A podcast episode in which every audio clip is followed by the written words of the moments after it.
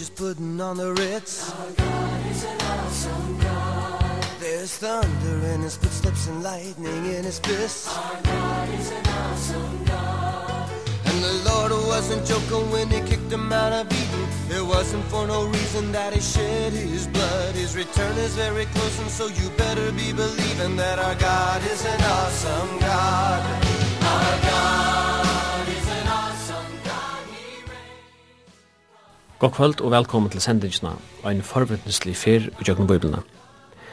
I studien i kvöld sitter jeg Søymen Absalonsen og sammen med meg her vi er Jekvann Zakariasen. God kvöld, Jekvann. God kvöld.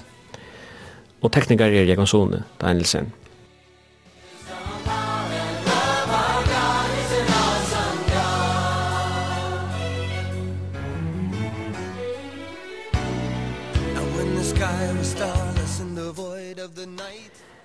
Af fyrir okkar og jöknun biblina er vi i kvöld komu fram til Esra bøk.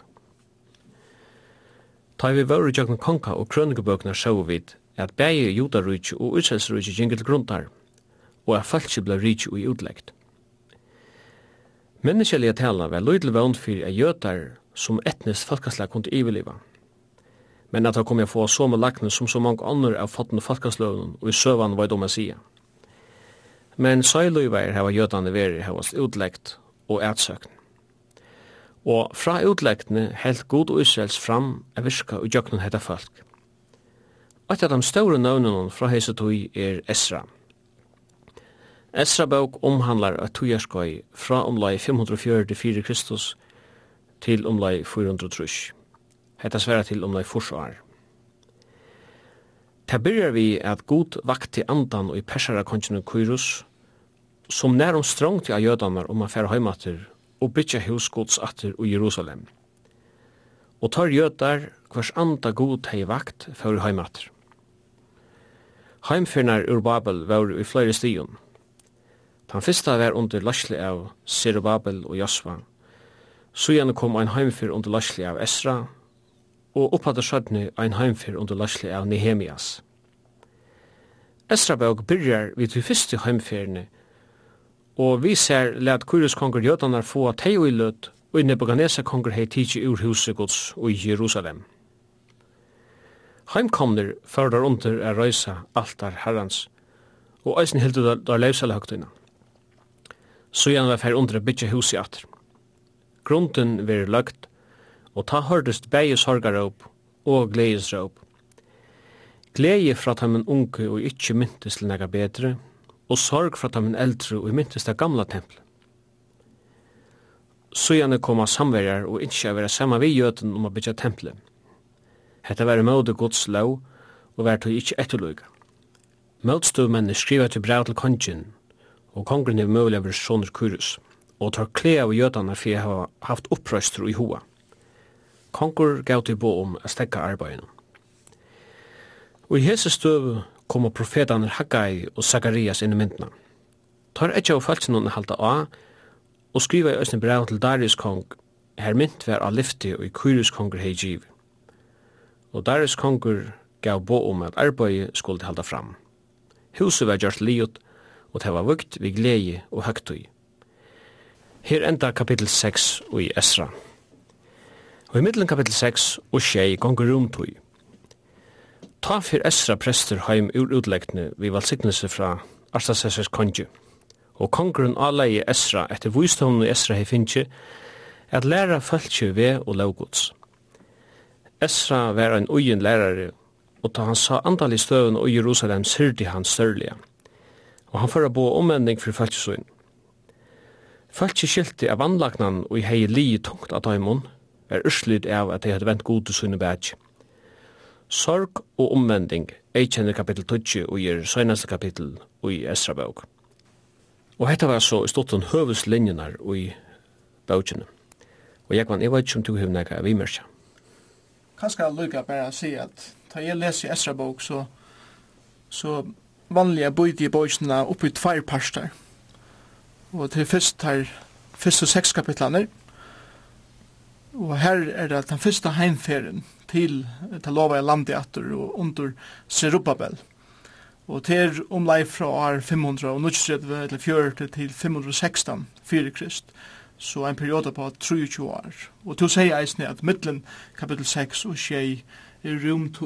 Og det er omlai trus år og i middelen hessar kapitlene som gongur. Og i tjøkken hessar trus årene eh, passar Esters bok inn. Og hon hon er sjående, inte i Israel, men hon er eh, ärastannar. Og i kjenda kapitlet, til og vi tutsjenda, her var så æruhelt av Esra bok, og til andre heimfyrin, og vi lastlunni av Esra. Og tam tøyen som er involveret her, er faktisk bare fra omlai 408 til 406 fyrir krist, så eit år, etla så. Så tar så så suchi essa bok og hon er nemma skilja halti det och att uppsätta att man ser henne bara under tvåman i beskriften. Är så tjuta med kapitel kapittel 6 at uh, Esra skriver i, i første person er og vit. Uh, men de första sex kapitlen är ta omtala mulig uh, en av tog hver han ikke var fødder. Ja. Ja, han han er en sovskrivare. Eh og han setter seg nyer og han skriver om det eh, som hendte eh, under første heimferdene. Og til avverste er at eh, da vi kommer ut i satte kapittel ut etter, så skriver han og vit gjørtu, eller vit forro. Men han brukar ikke eh, det i, i hinne kapittel, det han værer ikke. Det er sånn, når jeg nå skriver kapittel 6 og, og til tøtje som er slæg av samtøyer, så... Ja. Eh, det byrjar vi eller äh, Estrabøk byrjar vi at han tåsar om Kyrus og så hans halvfjers årene äh, som utlegtar tøyen varde. Og det var profetera fram undan av Jeremias at det skulle være i halvfjers år. Og så kan man spyrja seg sjálf an, hvordan var det så i halvfjers år, fyrir jødene som var utlegg? Ja, det var halvfjers år, det er helt atallig som var utleggt. Og vi vet ikkje i detaljer hva hendte i Israelsfalki og i Babylon. Men vi vet neka, bæg fra Jeremias profeten, eisen i Sekel og sinne Daniel profeten. Og falki var tidsi utleggt, de var tidsi til Babylon, og her høtte de et nok så vanligt liv. Babylonar var nok så civiliserar, eh, immun til asyrer, til dømes og teir brukte falki i sunne samfelagi. tær teir gåda mun vanlig starv, arbeid. Vi leser Jeremias profeti at, at teir, teir bægi kjeptu og seldu, så teir høyde sunne egnu handlar og, og forhandlingar.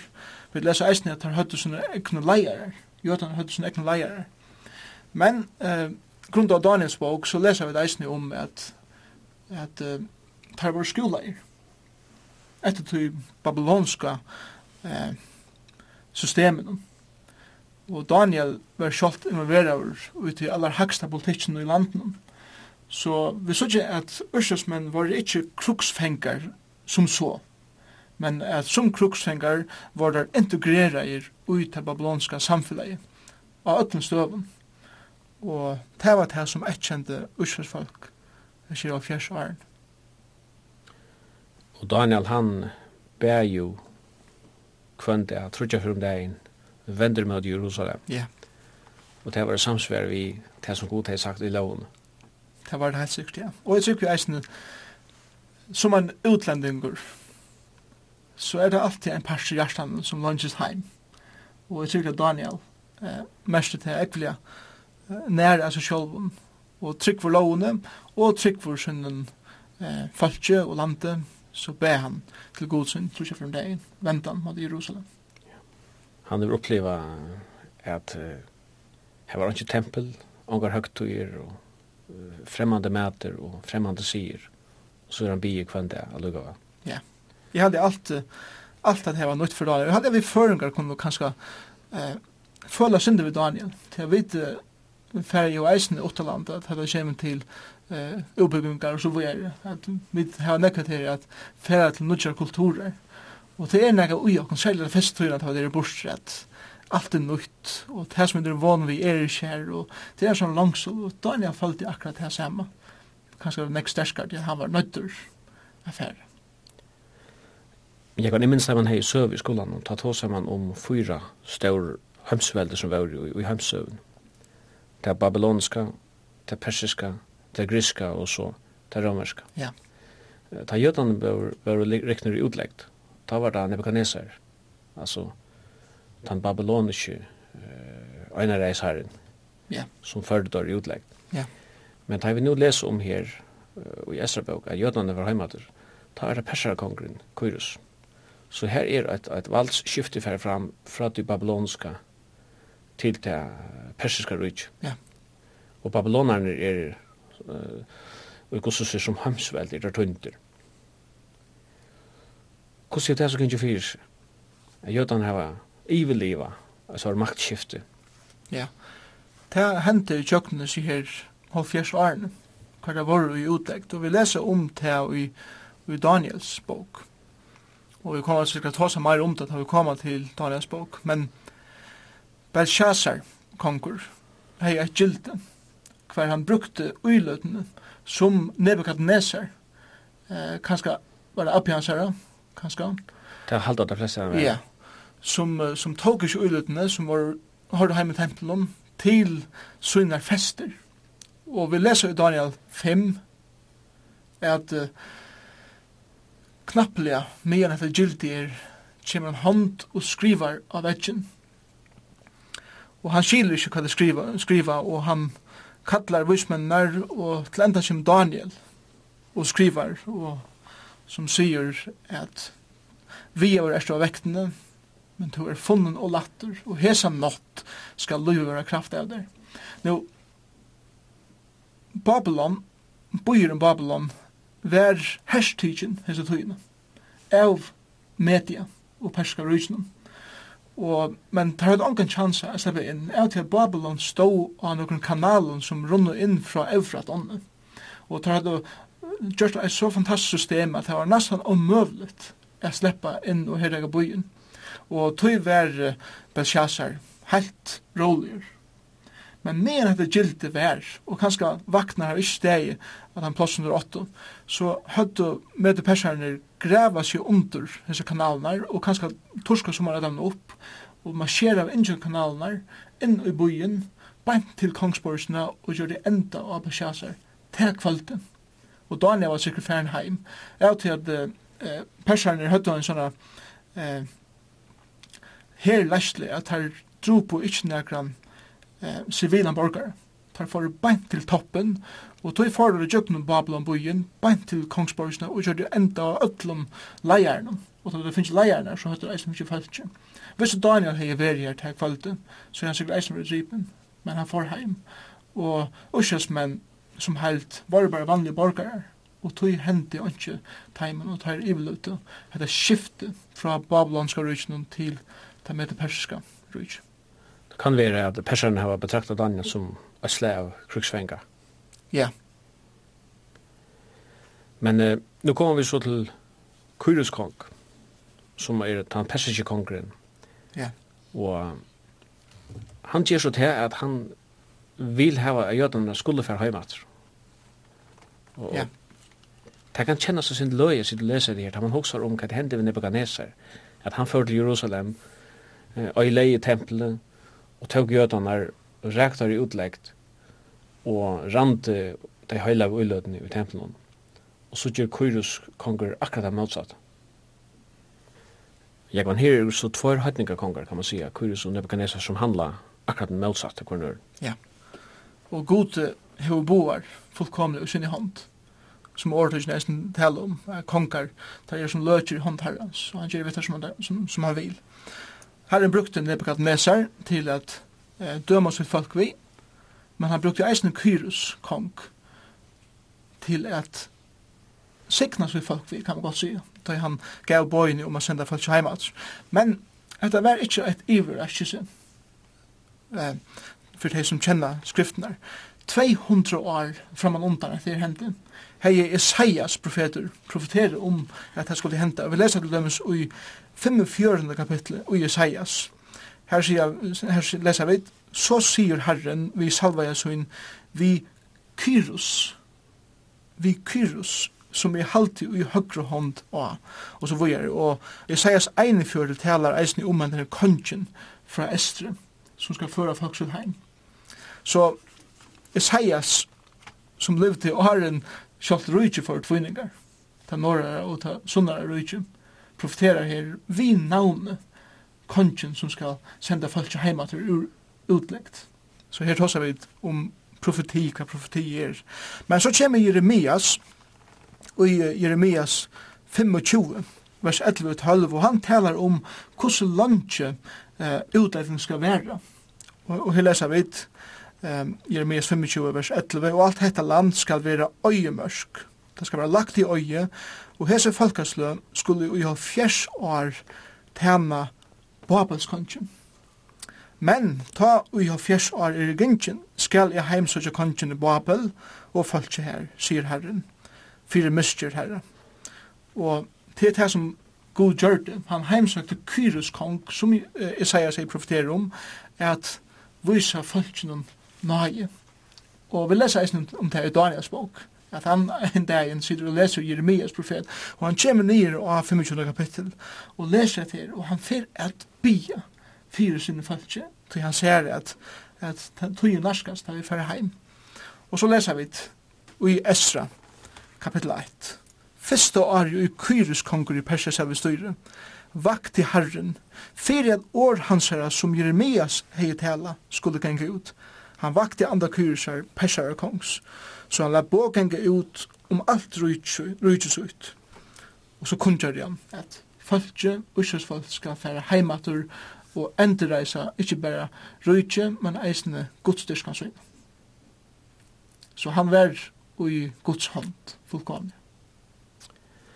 Til Daniel sa til at halvfjers år skulle genge, og til var vi renne ut til halvfjers åren, til fikk ikkje Daniel at uh, lena seg atra og sige, nå, nu, nu tog ju inte färgen så nu får jeg hjemme der. Men det fikk han å bia mer innerliga, mer intenst. Og det sier meg så mye at selv om det er en god som ivestyrer søvnene gang, så er det sånn at de mennesker som er som Guds andi hever vakt, de sørger til at de tar arbeid at samvirka vi gode. Helt sikkert, ja.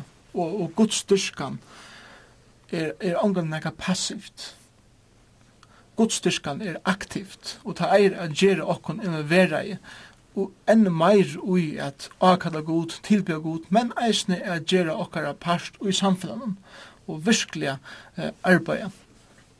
Kanskje meir enn en, okkon tørva, tog at vi omboa god, og det var det som er kjenne Daniel. Nu han ekki kongan av fyrir i Esrabøk. Vi tar Ahasverus og Darius og Kyrius og onkur tåsar om nøvn og titlar og hvert så innom. Man kan, man kan fløtja seg sin drøysen. Ja, det, det kan man. Og, og man vil nødt til å lese bøker om kultur og om navnabruk og sånne kan fyrir skilja. Tøy er at uh, vi først er det kongar nevnte vi navnet, og til ære tøy er det nevnte vi titlen. Til dømes uh, Kyrus er nokka navn, et persons navn. Men Darius, er kanskje en titel for en kong. På samme måte som vi sier uh, Lugmauer ett land. Akkurat. Vi kan kalla vi Nemlig, ja. Vi kan se att Lums George Bush. Men vi kan nästan se Forseden. Og det omtaler samme person, men vi tar med ønske nøvnen. Til dømes til i årene til i Ester levde. Og vi leser i Bibelen at hon var gift av hans sverse kanskje. Men da vi leser um, sekulære eh, handrit som tar seg om samme kong, så er det en Xerxes. Og til er titlen fyrir Ahasverus. Det er ikke tvær imisk personer, men det er samme personer, vi eneste nevnte navnet, og i ørenstå nevnte vi titlen.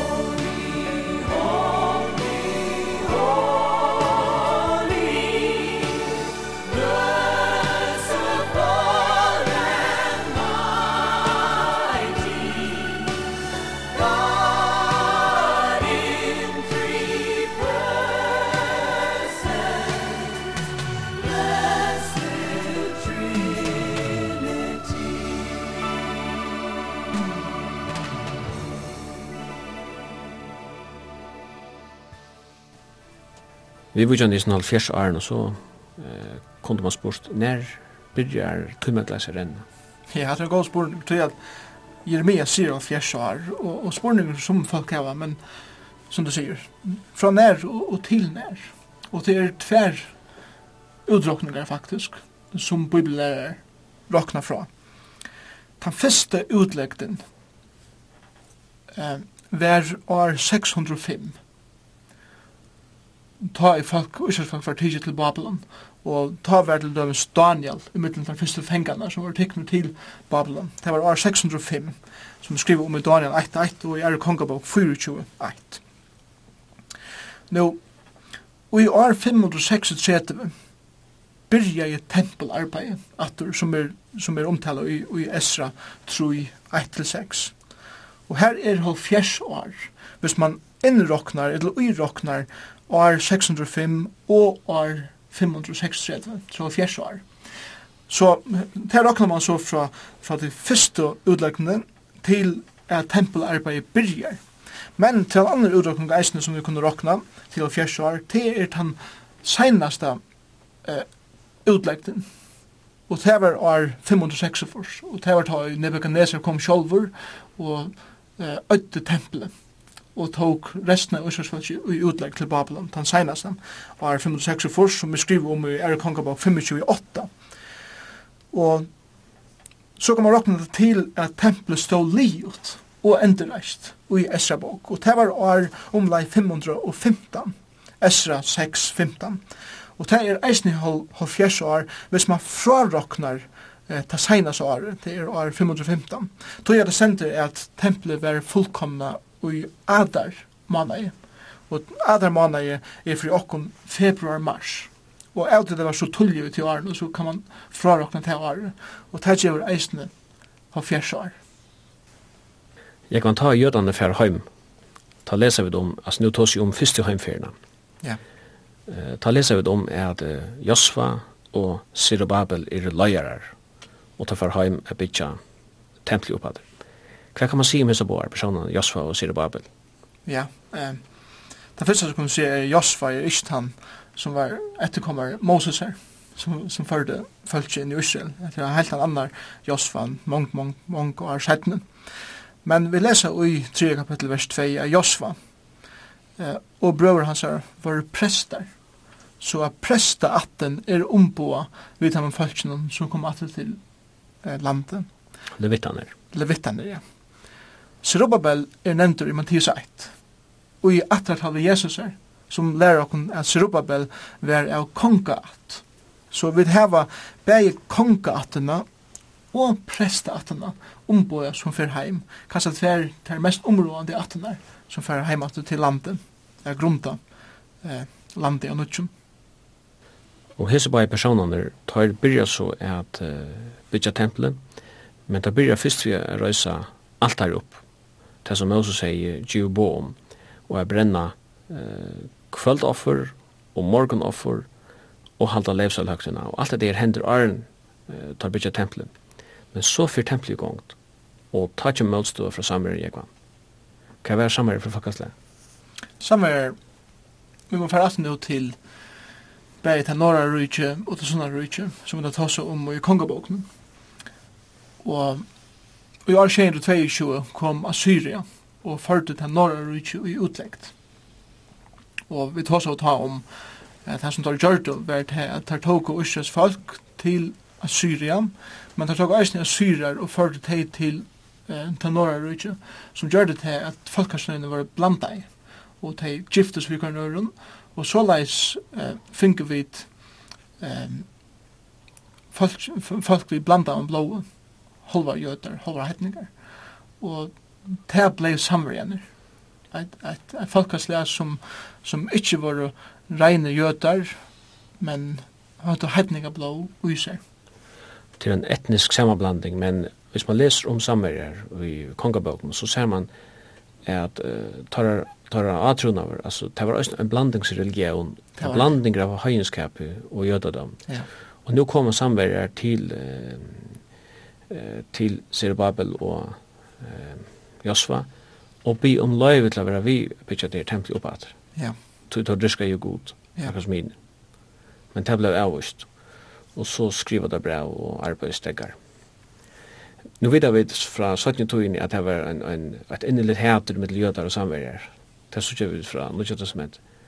Kan det huksas at dette hæter kommer fra tog som Søvan sier. Ja, det er ikke jeg tog. Og, og som du sier, altså, hetre eh, oppstå lengt fram i tøyene. Tøy er det sunnere og norra ikke var i ståven krutje, vi kan annan. Så det var et hetre langt i middelen, så det egna folk her.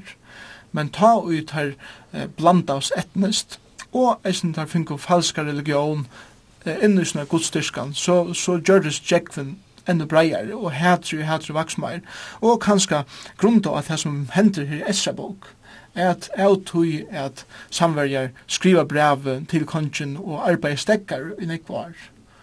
Eh, gjør det her, du gjør tøyina, var det et utroligt hætur, som vi leser om i Nødgjøttesment. Vi leser til en som i Johannes 4, at, at jøtar hadde ikke samfella vi samverjar Esra var jo et kjent navn i jødedavn 17-togene oppe i jøkken Øldenar. Ja. Og at Jesus har samtidig kan man også se at Esra bøk er vi ser kjent.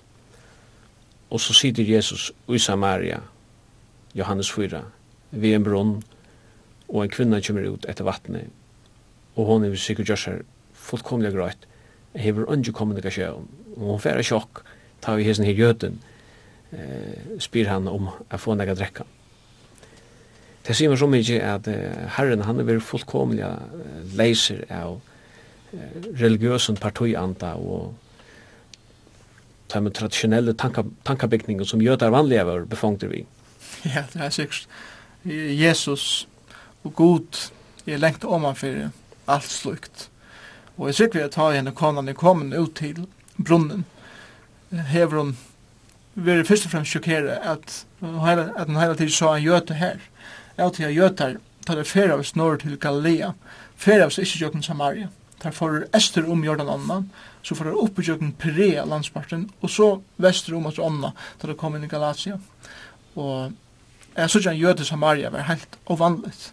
Men så da Jesus fyrir spyrir om vatten, og, og så var og byrja en samtale ved henne, ta er hun fullkomna tidsin av foten. Og Jesus gjør det ikke mannamånd han elskar seg kvinna, lykka som nek som han elskar nekna annan, og han gav henne liv til deg.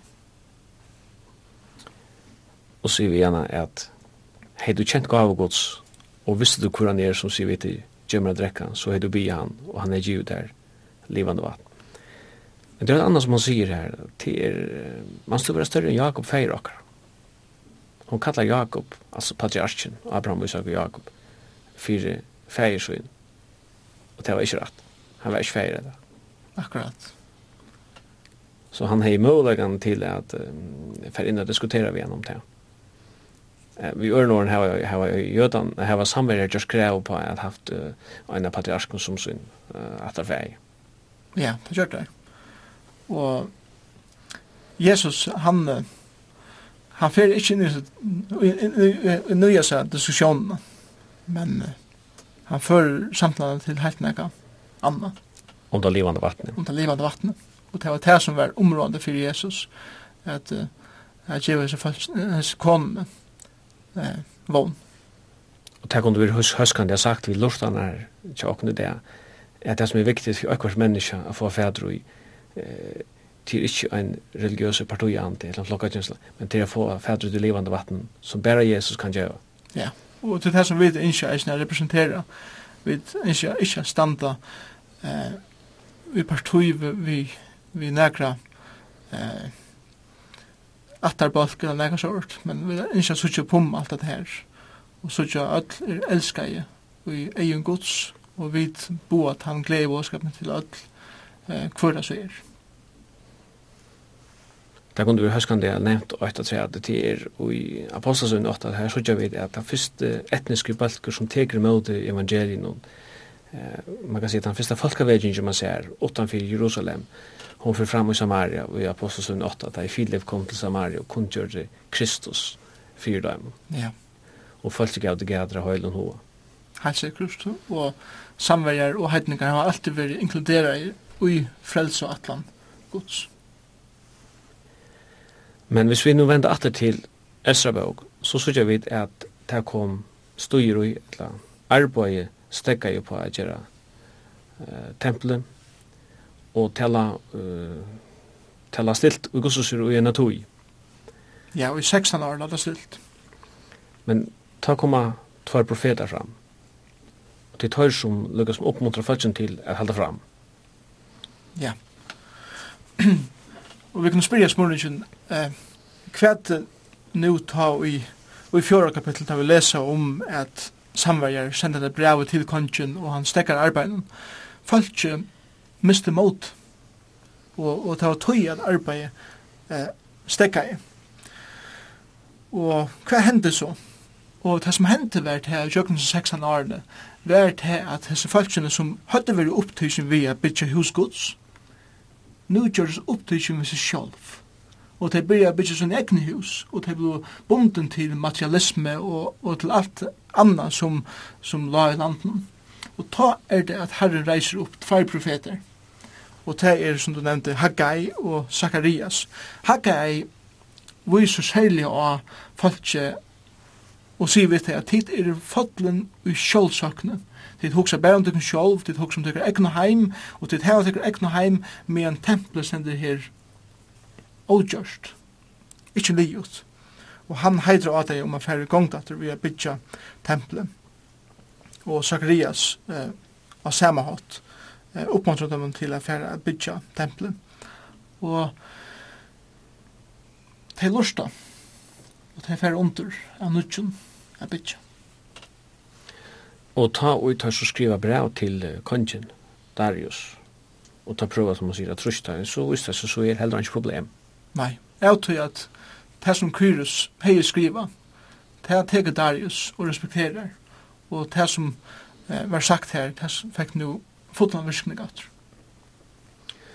Så fortsetter det via Gjera Templi, og Templi blir bygd, livet, ja. ja. men eh, du nevnte at det her i stedet er stilt i Romatøy, og jeg halte at hotage tempel og i søve utsels til det ser avhåverst, rettelig omfattande evne. Vi tar vi inne på tabernaklen for som og i rundt var var et, et telt, altså et kjald som uh, fjakka i rundt, men nu tar vi om et tempel. Og hette er altså tempel nummer 2. Ja. Og Salomons tempel har vært fram undan Og Jesus har samtidig ta er atra tempel. Ja. Vi leser om her at her grunden var løgt. Ta uh, grådet de eldre som myntes det gamla tempelet, de unge som jo ikke hadde sett nega tempel for, de var bare glad for at man heier tempel, og så de gleddes. Hva er det som hender her? Ja, det er avverst. Det er kanskje verst å si, Luka, at ta i Sørbobo for atter vi falskjen, så får det vi holdt trus tusen eh, falkom, atter til landet. Vi tog freie at endreisa tempelet. Der byrja vi a reisa altar. Tog at det var bengten for folkene som var her, og der byrja offra beina veien, åren tempelsenter. Men så tar i grunden i lagt fyrir templet sjalt. Så leser vi i 3 kapittel vers 11. Teir, til hans som er vidla bygd, sunko herran og lov og prøys til han er gåur, til nøye hans herra mot Østral verri i allar æver, og alt folk skær og i ekvelet gleir opp, og lova i herran fyrir til at grunden var løgt i hus i herrans. Så her er ei reaksjon som er glede. Men mange prestar, levittar og attar høvdingar. Og så stendur her bare at han tankasykna, hin er gamlo. Og her sier det til hei, som han sier her bare, og jeg hadde sæhet fyrra tempelet. Så de som hadde oppleva av veri i Israel, Arne var tidsen i utleggt, og nu som er kommet atter, og sørja grunnene, sender de gråt og harsht, ta det så grunnene var lagda til dette hus. Grunderna er han at hette tempelet var alls ikkje. Og det kan seg samanloknas vi tempelet som Salomon bygde. Det var nekk minne, og det er nekk minne dård. Vi tok som størrelega. Nå hoksa vi om, om areal og størrelega, ja. Kan det hoksast eisne er fölkjene hava se på tempelet og på tammadana det har sagt at jo større tempelet er, jo mer velsignelse får vi fra god eller jo større størrelege kommer vi til å sitte fra god Jeg er jo ikke at jeg, at jeg var hoksa at han hatt. Hver vi, de som ikke hadde sett at fyrir tempel, de gledes bare om at nu har vi et, et tempel. Og jeg skriver og sier såleis at Løyte er nekv, ta god til røyte. Og nekv kan være løyte om god ikke er røyte. Og det er Det er så også ved templene i reisene, eh, som Haggai sier, at dørten i hessen satan-tempelen skal være større enn han som var ute i fyrra. Og hva skal være god til stier han selv hatt eh, vi ved falsksynen 18. utdekkene. Det er sett fysiske proporsjoner der hadde jo ikke vi eh, god stort det gjør som så. Nei, og jeg hadde vel sånn at det er eisene tja Serubabel og Josfa som leidde folk til at her byrja vi å reise alt der. Åren eh, ter fysiske rammene rundan om var reister.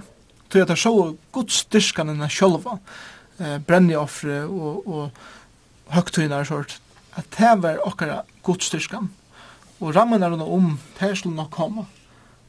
Og jeg held at det er det samme ikke okkom. Jeg vet, eia først og fremst hoksa om at godstyrkan eh, er ikkje bunden til nekrar fysiskar rammar, men det er nekv hagre og gypre enn det og det her hever, et, hever vi et beinleis samfella innan fra vi god å gjøre hva jeg kan tilbe god.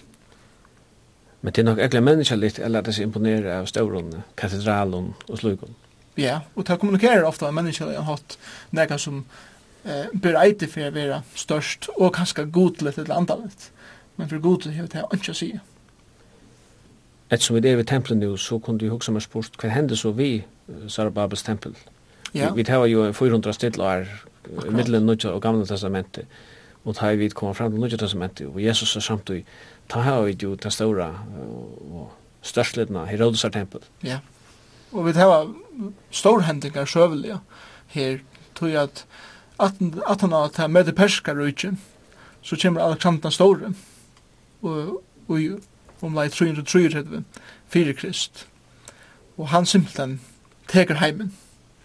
Vi eh, tror og halvt år sikrar han heimen. Og ta griska rujtje blivur heimsvelde om lai 200 år. Men så kommer ta romerska rujtje og marsjerant og tar teka atan heimen.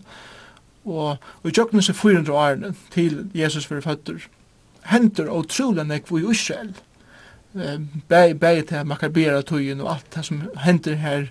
Tempelet fettler faktisk i årøkt kan man godt sige og ta i Herodes konkur som er omboaver av til romerska røyken og kommer til rei til Herodes den store den første Herodesen han ser tempelet og han sier hetta må vi gjøre nekka vi og han bestittler omlai 20.000 arbeidere at byrja at endreisa tempelet og det var byrjað en, var endurreist i 24 til 4 krist.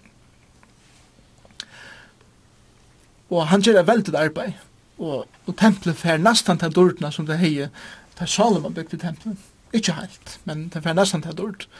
Og med Jesus lever, og alle de årene som vi leser om i evangelium, er tempelet stadvekk og gjer. Det er ikke livet bygd den. Og år 4 etter Krist, så det er lengt at når Jesus er krossfester og fern til himmels, og eisne etter at apostelsøene er gynnsjen, og vi er nu kommet til sørste år Paulus her. Ta er tempelet i Jerusalem li, og det er en veldig varsla som er hilden av 4 etter Krist. Seks år siden, ta i Titus, eh, herhøvdingen, keiserens kjemmer, og omringar Jerusalem, og Jerusalem, av til at det ikke vil djeva, djeva seg iver, være tempelet fullkomlig knust atter, og til jeg blir rånest. Og det var ikke at etter det så var det ikke mer, og det vet jeg vi søvlig, ikke tempel er langer i Jerusalem, så gjerne år av Fjers har ikke tempel være i Jerusalem. Og her som tempelet og her er islamiske moskéer i dag. Ja. Jeg kan huske på et annet jeg kan til er at uh, læresmennene av Jesus, tar har også vi imponerar av Herodes templen till tar vi jo støtter alla fjällen och tar veldig det lukka som presentera hända sörlagan fire herrasyn. Ja. Vistion. da kommer ju Galilea. Ja, akkurat. Tar tar kommer en område som som ikke var så bebyggt eller at det var byggt allt. Og det var som John Bigta mann kom til New York. ja, ja, det er helt sikkert. Jeg minnes først, for jeg kom til New York. Jeg er en götemaur og jeg kom til New York, og jeg var helt, helt betikken av skyskrabaren og, og ætlen tøy som var her. Så vi sikker vi at ta i lærersvenner, jeg kommer fra Galilea til Jerusalem jeg har sett tempelet, til å være akkurat den samme reaksjonen, at det er simpelthen steg malleiser, at hitja, at det er sånn otrolig bygning. Men herren Tjadam, han var ikke imponeret? Slett ikke. Han, han sa, og jøkken alt det her. Og sier Vittor at her skal ikke være leden steiner etter steiner som ikke skal være brått nyer. Og det var, det gikk ut og i Arhal Fjers. There is a Redeemer Jesus God's own Son Precious Lamb of God Messiah Holy One Jesus my redeemer. Name above all names. Precious lamb of God Messiah oh for sin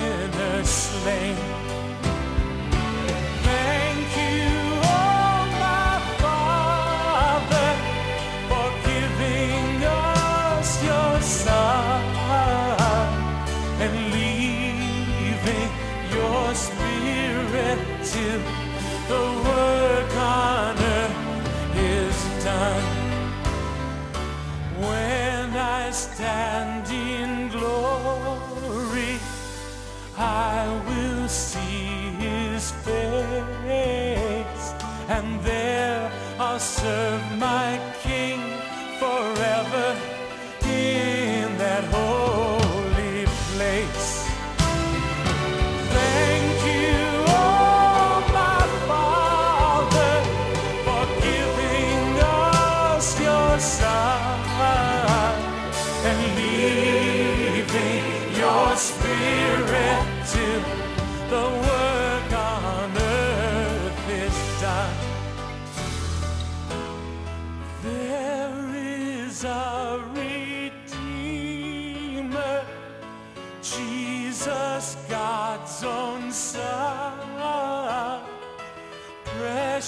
precious Lamb of God, Messiah, Jeg kan ta vi kommer fram til endan av Satta kapitlet i Esrabøk, så er templet tidsi i Nuslu og alt det som hørte vi til det. Men uh, i kjenta kapitlet så leser vi nega etter hetta og tar det Esra kommer inn i myndina. Nu vet jeg ikke hva jeg vil si nega etter hetta og snakk og er Men personen Esra kommer fram her til, altså høvnen av bøkken hva kunne vi lære av personen Esra?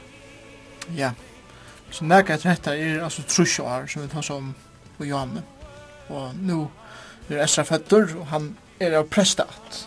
Han er av at Arons. Vi leser nekv om Esra. Esra var en fantastisk maver. Jeg ser det Esra av fot vi Moses og Josfa og er leier i Israel. at han var en maver som tørte å stå ut av lyftene. Han tørte at lyta av god, han tørte at bråte på nudgen, og han tørte at herja av lykka mykje hva ånder sette. Og det er en, et vel etkjenne for en leiare som er filter av gode. Og vi, til et av første som vi lærer om Esra, at han var en maver som hei Guds hånd og aser. Ikke best være han er presta atos og prest, eh, prestlarter, men han var eisen skriftlartur.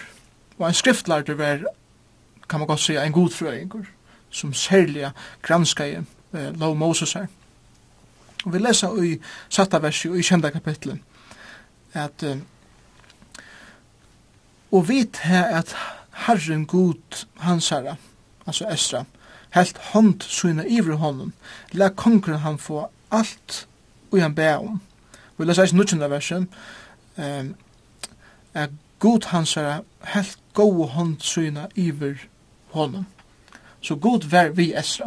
Kanskje lukka fra byrjan av. God kalla han til et, et særligt kall. Han leia folk heim, og han sykna han. Og gjør det så at han fikk, eh, eller egene fikk, egene kongen kom av Esra, og han, han visste nøye. Men vi leser eisen nek om Esra som person, og hette er eit av munnen favorittversen i Bibelen. Kjente kapittel vers 20. Her leser vi hva jeg kjente Esra som person. Tog Esra hei vent hjertasynen til å granska i lovherrens og gjere etter henne og til å lære ånder i Israel lov og rett. Og jeg hadde lært å tro han ikke i ordsversen. Han hei vent hjertasynen til det han er avgjørst, til det som det sier om Daniel Eisen, han er avgjørst i hjertasynnen, ikke adolka sin. Esra hei avgjørst i hjertasynnen, at granska lovna. Så han var en mævur som sett seg nyer at granska, at kanna verja hva loven sier. Så han, han hei en egen kunnskap, men han lær kunnskapen færa vujar. Og det lærer vi til at gjerra etter henne. Det er det samme som han lær kunnskapen fra for høtten nyr og hjertet, så at han kunne leva og praktisera det som han hei kunnskap om. Men ikke bare til, ikke bare til at han eh, vil ha kunnskap for sjølvan og gjøre det som var godt, men han er yngst i eisen jeg fører til det er ånder. Og det lese vi det, at lære ånder i Israel lov og rett. Og det det som jeg kjenner halde jeg en gåan lærare. Eh, Lugga mye hva for lærare man er. At man granskar, og så lever man det som man granskar, og så vi tøy vitan og vi tøy løvstyl som man hever, lærer man ånder. Og hette det som hette munnen av en talare og en god talare. At man ikke bare ser hødvida, men man, man har hjärsta som eh, reflekterer, reflekterer det som man lærer andre. Ta så Esra kommer heim, så ser man heldre han jo eh, det som man visste, det som man finner åpenbering giver, altså god standard, ja. god lov, man, man kan si det er absolutt virne, vi støvna tja falsk noen. Og det var lite hålet tjån og sånn, hver støv falt var i. Ja, det er sikkert. Det er sånn måneder av første heimfer og er i heimfer. Vi låser jo i Esra 2, at jeg slår på Bell og Josfa for heim. Da hadde der holdt trus tusen folk vi ser. Esra hever bara kanskje bara 5000. Vi leser at han er 1456 menn, pluss 208 levitter som gjør kan tala på 1604 Så sier jeg så hans mennene var gifter, og kanskje og jøkken sitt eit til tvei Så kom vi på kanskje bare om det er 5200 folk som kommer heim vinn, så, så håper som fra heim hess for en ek minne. Og det som det kommer heim til, er som du sier, ekvile, ekvile hjärsta brådant, er til at en egen nasjonsettene, at han har et Sirubabel og Esra, nei, Sirubabel og Josfa høyde endurreis tempelet, var størst frafall veri attur. Og de hava attur integrera seg og, og ja, integrera seg vi heitningarnar, vi samverjarna og så videre, og er så leis stoltgeir, Asra nutjun, og til det som Esra nu kommer heim til. Og hette hendi sjalt om de hadde tempelet. Det kan sier så mykje at tempelet til er så ikke nekker uh, til ikke nekker garanter for antalligen trivna om man så kan säga. Nej, det och det där som tar så om ja men templen och en byggningur kjer onkam antalligen. Antallighet er nekka som kjer fra hjertanen og en beinleis personlig samfunn vi god hver er tempel eller en bygningur er bare et sted hver man kan komme saman til tilby men stedet kjer ikke en antallig Men Esra han fyrir så under intensa fralæri i Guds år, og det sa ut som at folk ikke respekterer han. Han ble virder som en, en, en lærer og en leier, til folk ikke. Ja, helt sikkert.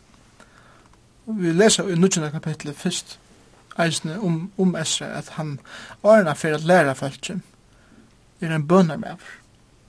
Og vi leser til dømes uh, i uh, nødgjende kapitlet vers 2, her lærer vi om hese sintene som er kommet inn i falskje.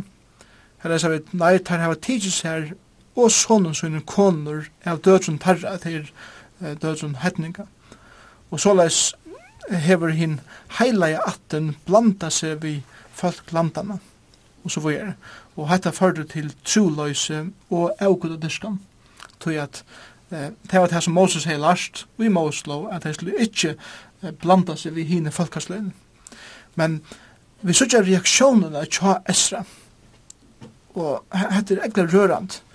Ta i e, sier han, her i, i første person en til. Ta i hørte hette, skraddi i kyrselmoen og kappamoin, er rødt i har av høttenon og ur kjetsjenen, og jeg fikk ikke åri opp av sorg. Og så leser vi at han fer framfor god og avkallar god. Og jeg hadde rørt meg virkelig nek, tror jeg at jeg spyrir meg sjåvann, reagerer, reagerer jeg så på sint i min liv, og sint i livens øren falsk. Og jeg byr til herren etter at hatt er den samme reaksjonen som jeg får, men til verre, hatt er mengan, eller hatt er sjoldan, se i okkara sankommun, og i okkara eh, personliga liv, handa reaksjonen, hatt er den rette reaksjonen, og på sint og i livens øren falsk men heldur ikke at dømekraften ofta er et urslut av hvordan, hvordan nærmere lever god. Du, du nevnte nemlig at Esra var bønne med, og vi tar inne på det fyrir jøkken æra profeter som god vakti jo opp. Da var det utan undantak bønner personer. Ja, jeg heldur bøn er legelen til at komme inn i samfunnet ved god.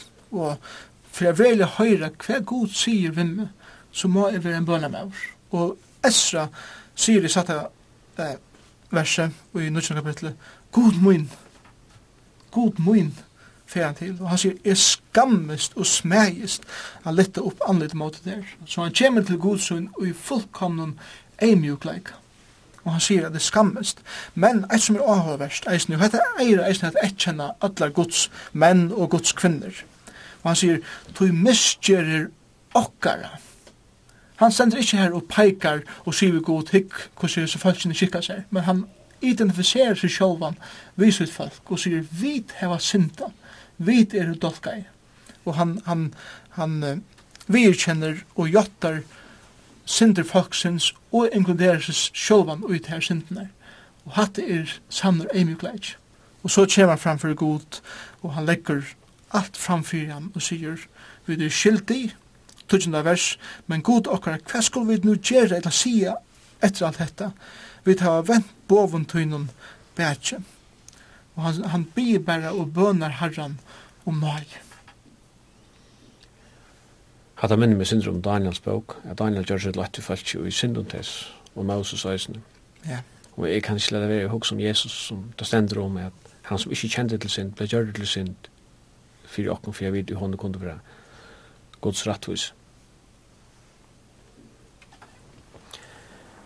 Jeg var her til sørst. Hittja vid at løvnu til Esra, så er nyestående han at ta i han for virkemiddelse folk, ta hendene og i falsen. Ja, det er sikkert. Esra bæ, og ta hendene og ta avvirska i ånder hendene bønnen. Vi leser i første vers i 2000 kapitlet, som nu Esra bæ og jotta i, her la gråtande framme fri hos gods, sauna ikke hånden, ekla store skæri i ursøsmønnen og så videre, og de gråte. De vendte vi fra sin sent. Så bønnen hei avverskan, mæveren hei avverskan, tog han akalla i god, og god avverskan i falskje til å venda vi fra syndesunnen og jotta syndesunner. Og det var en nudge vetjeng i Israel, grunda av det her. Og til det som er ikke å si, først og fremst med meg sjálf, men eisne okken akkur öll som tåsar sånn ekki hessin døven om vetjeng vetsing er kostnader mykjel. Det er ikke best å si at jeg føler at herren for å gjøre en vetsing, men spurningen er, er det jeg viljer til å offre det opp som skal til å få en velja vetsing. Vetsing er kostnader mykjel, og til nek som skal skjeres ut av min løyve hvis jeg herren skal for å sikna følger av nødgjum. Er det vidt villig til at gjøre det Kristendommer er ikke en bylig livsstiller. Kristendommer er nekka som kostar at teka opp krossen og fylgja Kristus etter. Og til det som Esra lærer okkur her i sin senaste kapitlen leisne. Kristendommer handlar om Kristus, og Kristus er eisne finna i Esra bok. Kristus sutja vi i Esra som er leiara, som er hira, vi sutja profeten omtala igjen, vi sutja presten omtala igjen, og vi sutja eisne at løftet som Gud gav Abraham, at vi sa i Abraham skal en verdig konger koma som var Kristus, ta i falskje er tidsja heimater ur utleggt, ta viser esra okkon at løftet som Gud gav Abraham er ikkje deitt, det er ikkje færre, men det fortsetter, og kongeren fer ein dag koma, og til kongeren som kom i Kristusen. Og vi hæsson åren så færa vi at takka fyrir kvöld, Jeg får også takke Jekon Fyri at han ville komme her i kveld, og som det Jekon Sona Danielsen, som vi er tekniker. Takk fyrir. And the Lord wasn't joking when he kicked him out of Eden. It wasn't for no reason that he shed his blood. His return is very close and so you better be believing That our God is an awesome God. Our God.